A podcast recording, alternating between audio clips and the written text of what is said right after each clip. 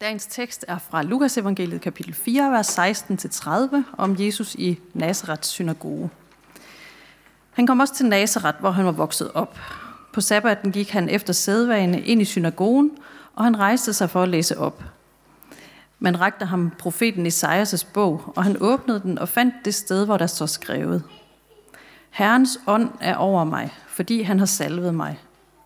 Han har sendt mig for at bringe et godt budskab til fattige, for at udråbe frigivelse fra forfanger og syn til blinde, for at sætte undertrykte i frihed, for at udråbe et nådeår for Herren.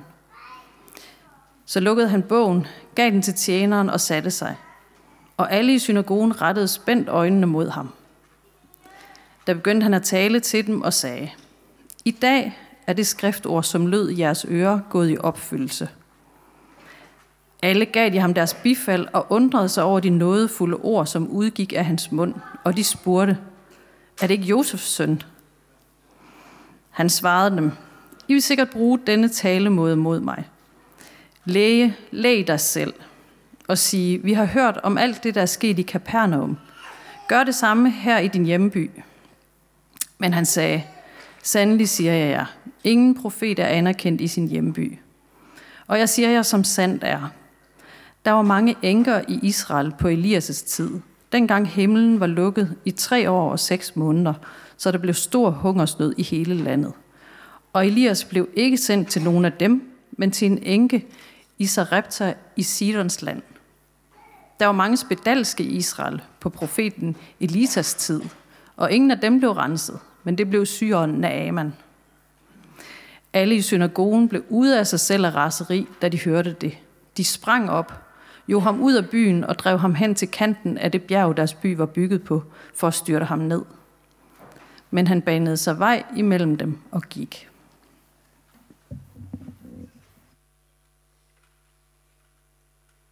Ja, nu har vi talt om at gå derfor ud i fem uger nu. Og, og mærkeligt nok, så sidder I her endnu. Altså, altså, ikke så mange. Det har hjulpet lidt, det er rigtigt.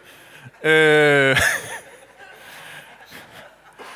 og, altså, og det skulle I selvfølgelig også helst, og jeg tænker, jeg tænker at der er godt, at to uger om ugen i kirken, det er ikke det, er ikke det der får livet til at gå ud af balance, vel, eller vælter læsset.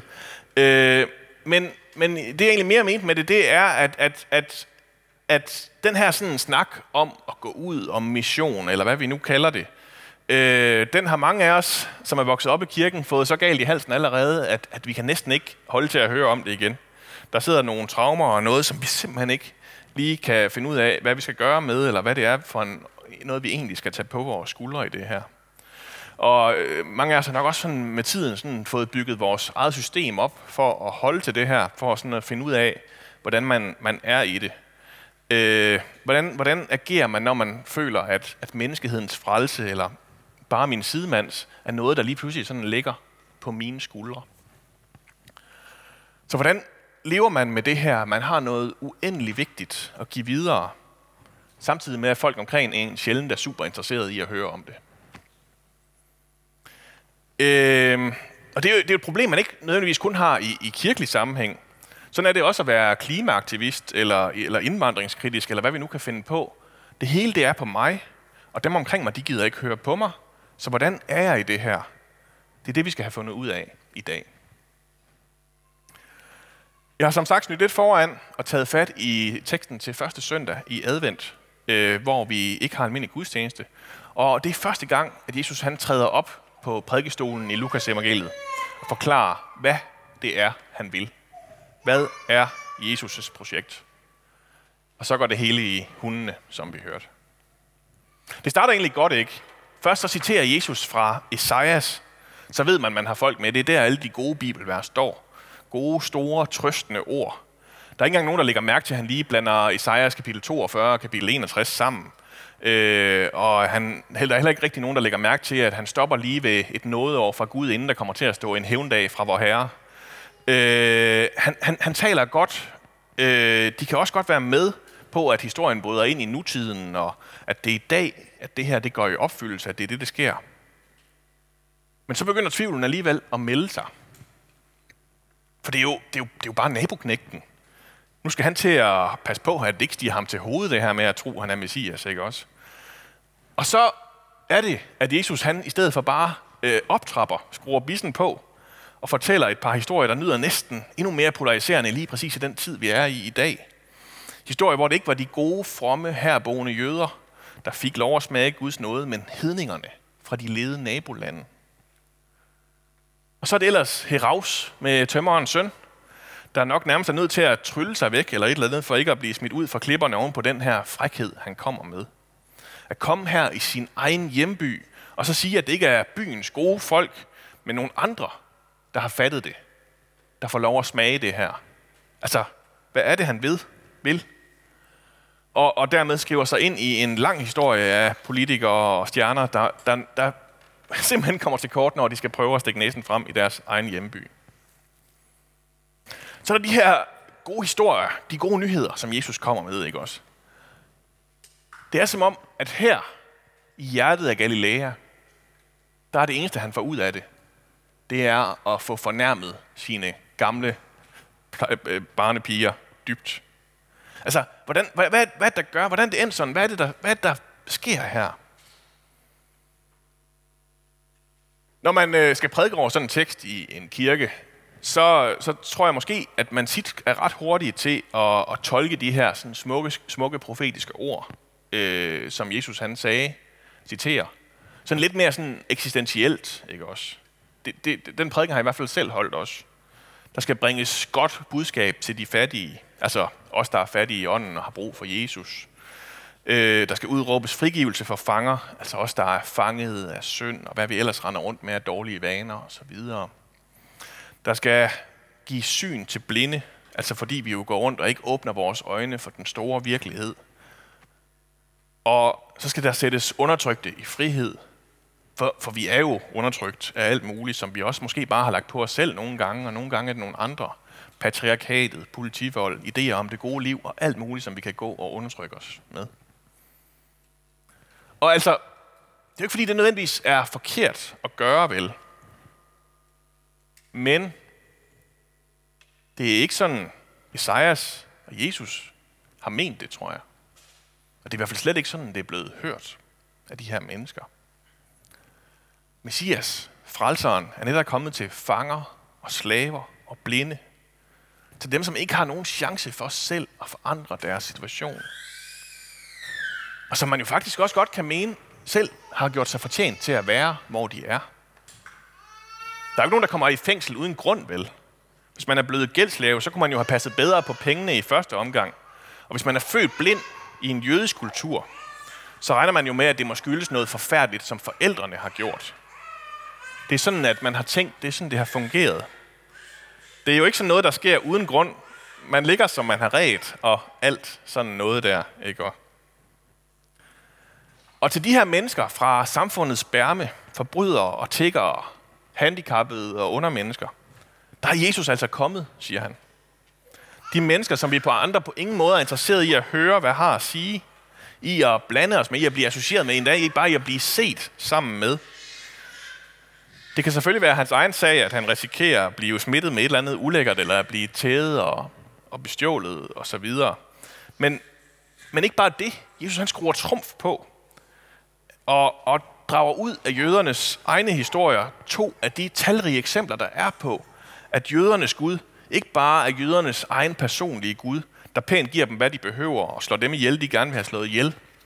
Nej, jødernes Gud er faktisk talrige gange decideret gået uden om sine egne, der ellers havde nok så meget brug for ham. Og i stedet så, uden, uden, uden noget som helst mønster eller nogen god grund, der var til at få øje på det, så har han helbredt og hjulpet fremmede og hedninger. Mennesker, som direkte har ført krig mod Guds eget folk. Og igen, altså det er jo ikke øh, mindre svært at høre i dag, vel? Det her, det kan simpelthen ikke ende på andre måder, end at man må få rullet Jesus i, i tjære og fjer, og få lært ham, at det her, det må han aldrig nogensinde sige igen. Så kommer så dagens store spørgsmål. Hvorfor er det så den her beretning, vi tager udgangspunkt i, når vi skal tale om at være sendt og gå ud til nogen? Og det har jeg også noget at fortryde et par gange siden. Men, men det er det, fordi vi stadig har det samme problem. Vi går rundt med en alt for begrænset forestillingsevne om, hvem Jesus er for. Jeg tænker, der er rigtig mange måder at blive ramt af det på. Og bare lige sådan et par stykker. Vi kan tro, at Jesus han kun er for dem, der har styr på det allerede, ikke også? At det kun ligesom giver mening, hvis man er vokset op i kirken, at man har lært at læse koderne der. Forstå, hvad det er for nogle ord, der har de rigtige at sige, og hvad for nogle, der er de forkerte. Hvad man godt må gøre, og hvad man ikke må gøre, ifølge det der sådan lidt mindre officielle kodex, som har gemt sig et eller andet sted i kirken. Og hvis man står med en, der alligevel ikke har nogen chance for at lære det, jamen, så er man nødt til bare at springe dem over. Eller vi kan nærmest komme til at vende den på hovedet, ikke også? Tro, at os, der har fået tilstrækkeligt mange guldstjerner i søndagsskolen, vi faktisk er færdige med det her med frelse og Jesus. At det ikke rigtig har noget at sige mere ind i det, man står og bøvler med. At Jesus han kan, kan sådan noget med, med himlen og sådan noget, men familiestridigheder eller kalenderudfordringer eller økonomiproblemer, det har Jesus ikke noget at sige ind i. Så kan vi køre showet videre, som om, at det er os og vores selv, vores liv afhænger af. Eller vi kan komme til at gøre det hele til psykologi og tro, at Jesus kun har noget at sige til mennesker, der er tilstrækkeligt langt nede på bunden, og ikke rigtig har andre steder at gå hen, og ikke rigtig vide, hvad man stiller op, hvis man selv og de fleste mennesker omkring en nu egentlig bare går rundt og er fint tilfredse med deres liv alle sammen.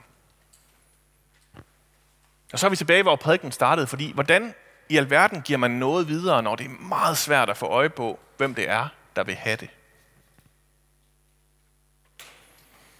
Nogle gange så kan jeg overveje, om, om Jesus også har haft det sådan. Altså, han har selvfølgelig masser af meningsfulde samtaler og alt sådan noget. Masser af folk, der bliver helbredt og så videre. Hans egen disciple, der følger efter ham, og han sådan hele tiden lige kan stoppe op og lære noget en gang imellem. Men han har godt nok også mange dårlige erfaringer. Mange dårlige historier. Mange ting, der bare slet ikke lykkes. For eksempel i dagens beretning, hvor det lige så godt kunne være endt med hans død. Har han følt, at han, han lykkedes nok? Nåede han ud med det her gode budskab til de rigtige, til dem, der betød noget, ikke bare alle mulige ligegyldige bundeknolde? Har det, har det flyttet samfundsordenen, det han gjorde? Var han bange for at ende ligesom en af alle de der andre messias-prætendenter, der, der trådte frem i den her tid, vandrede omkring i et par år, og så blev de anholdt, og, og så hørte man aldrig fra dem igen? Der er egentlig meget, der ser sådan ud, også særligt da han bliver anholdt og til sidst henrettet. Det ser ud som om, at det hele er faldet fra hinanden, at det hele er faldet på gulvet. Og så er der jo selvfølgelig lige et ekstra kapitel på den historie, men selv med det, så ser det altså ikke ud af særlig meget, det her. Men altså, på den anden side, så har man jo også fornemmelsen af, at han hele tiden ved, hvad det er, han gør. At han også sådan i den, sådan en situation som den i dag, med så stor grovhed og frækhed, som han har, langt mere end jeg nogensinde ville ture at gøre hjemme i Kibæk. Øh, altså, hvis vi havde set den her nyhed i fjernsynet om, at at en eller anden tilfældig landsmændknægt havde vendt hjem og fornærmet alle. Altså, så har man jo bare tænkt, at det var måske også hans eget problem, når han sagde det der. Altså, det, der er jo noget Rasmus Paludan over det, Jesus gør her. Man kan ikke sige sådan noget i en synagoge i Mellemøsten, medmindre man gerne vil have tæv. Og det, det passer jo ikke særlig godt ind i vores opskrifter for, hvordan vi så er i mission og evangeliserer osv. For at vinde mennesker, eller hvad det nu er, vi kalder det. De der strategier, man nogle gange skal lære om at venskabsevangelisere, eller hvad det nu er. Det her, det er, det er meget vildere, og det er meget mere våget, og det er så fuldt af risiko, så fuldt af mulighed for bagslag, det Jesus han gør her. Og nu er han jo heldigvis ikke bare Paludan. Han er jo ikke bare sådan en dum svin, der stiller sig op med sin mikrofon, megafon og råber, hvor store og frygtelige sønder alle er, indtil alle er gået. Nej, det han forarver med her, det der er hans gode budskab, det som er det forarvelige ved evangeliet, det er jo ikke, hvem det lukker ude, men hvem det lukker inde. At alle de her selvforskyldte samfundsproblemer og fremmede elementer, alle de her tabere, at de er inviteret med. At der er håb og frihed til dem også. Og det er altså de gode, forarvelige nyheder, vi stadigvæk har at dele videre på alle mulige måder. Forarveligt og venligt, lige fremt og subtilt. Alle de måder, vi kan forestille os høre til, men til alle dem, som også har brug for det. Og hvor vi altid må begynde med os selv. Og nu er vi så heldigvis ikke Jesus. Det er faktisk ikke os, der skal redde verden, eller have banket troen ind i folk.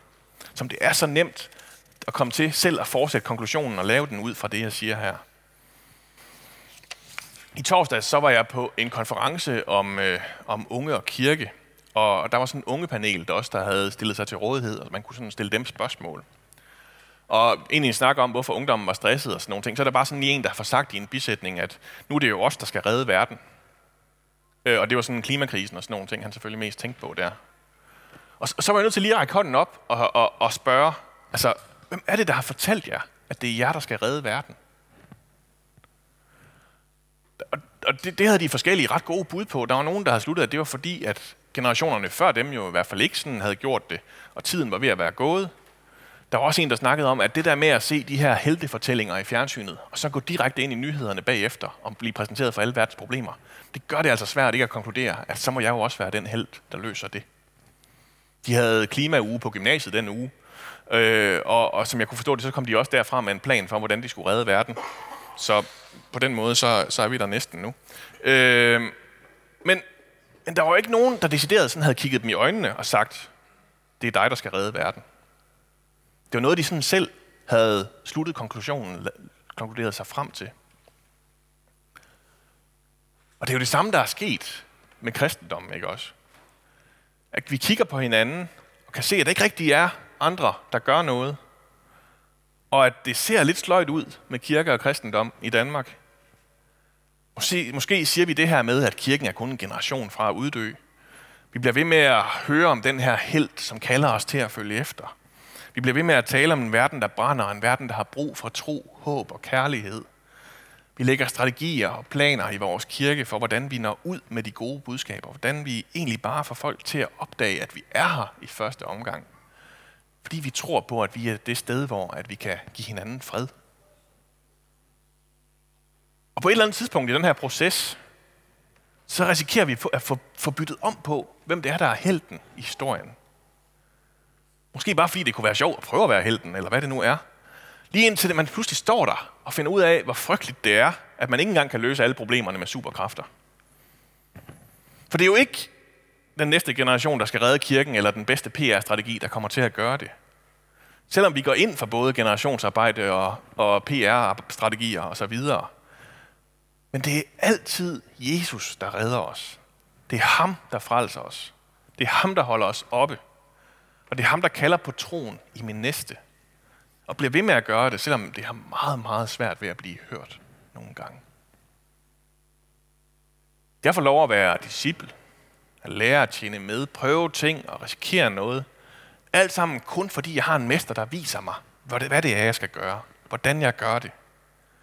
Og det er hans uendelige kærlighed, jeg kan finde min identitet i, og ikke med alt muligt andet om, det så er superapostlen, der kan omvende hele menneskeheden, eller ham, der aldrig tør sige noget som helst højt, fordi han risikerer at blive misforstået, eller få sat sig selv uden for fællesskabet med det, der kalder han igen ind og siger, at det er i min kærlighed, du finder ud af, hvem det er, du er.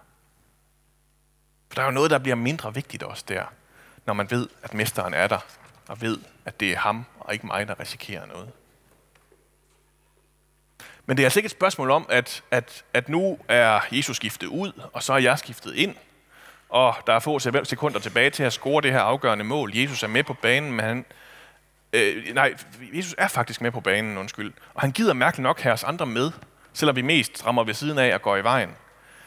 Han hiver os op igen, og gør, at vi faktisk godt kan ramme den der bold en gang imellem, selvom, der ikke er, selvom det ikke er nogen smukt spillet fodboldkamp særligt tit.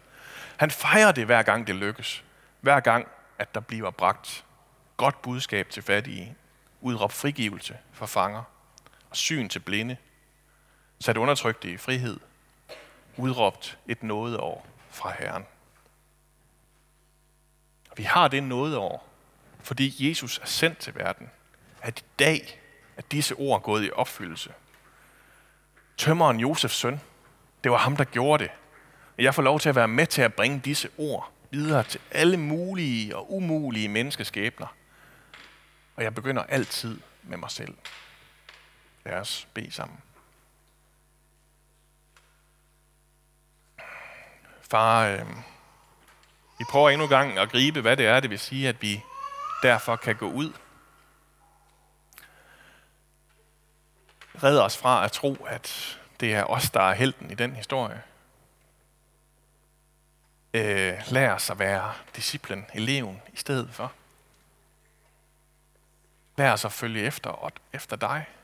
At gå der, hvor du har gået. At risikere det, du har risikeret. Ture stole på, at det er dig, der er verdens håb. Må du udvide vores perspektiv for, hvem der har brug for at opdage det. Må du øh, åbne vores lukkede mønstre for, hvem der kan passe ind. Og må du bare give os en hellig opmærksomhed i at opdage, hvordan vi gør det her. Vi kan ikke uden dig, far. Amen.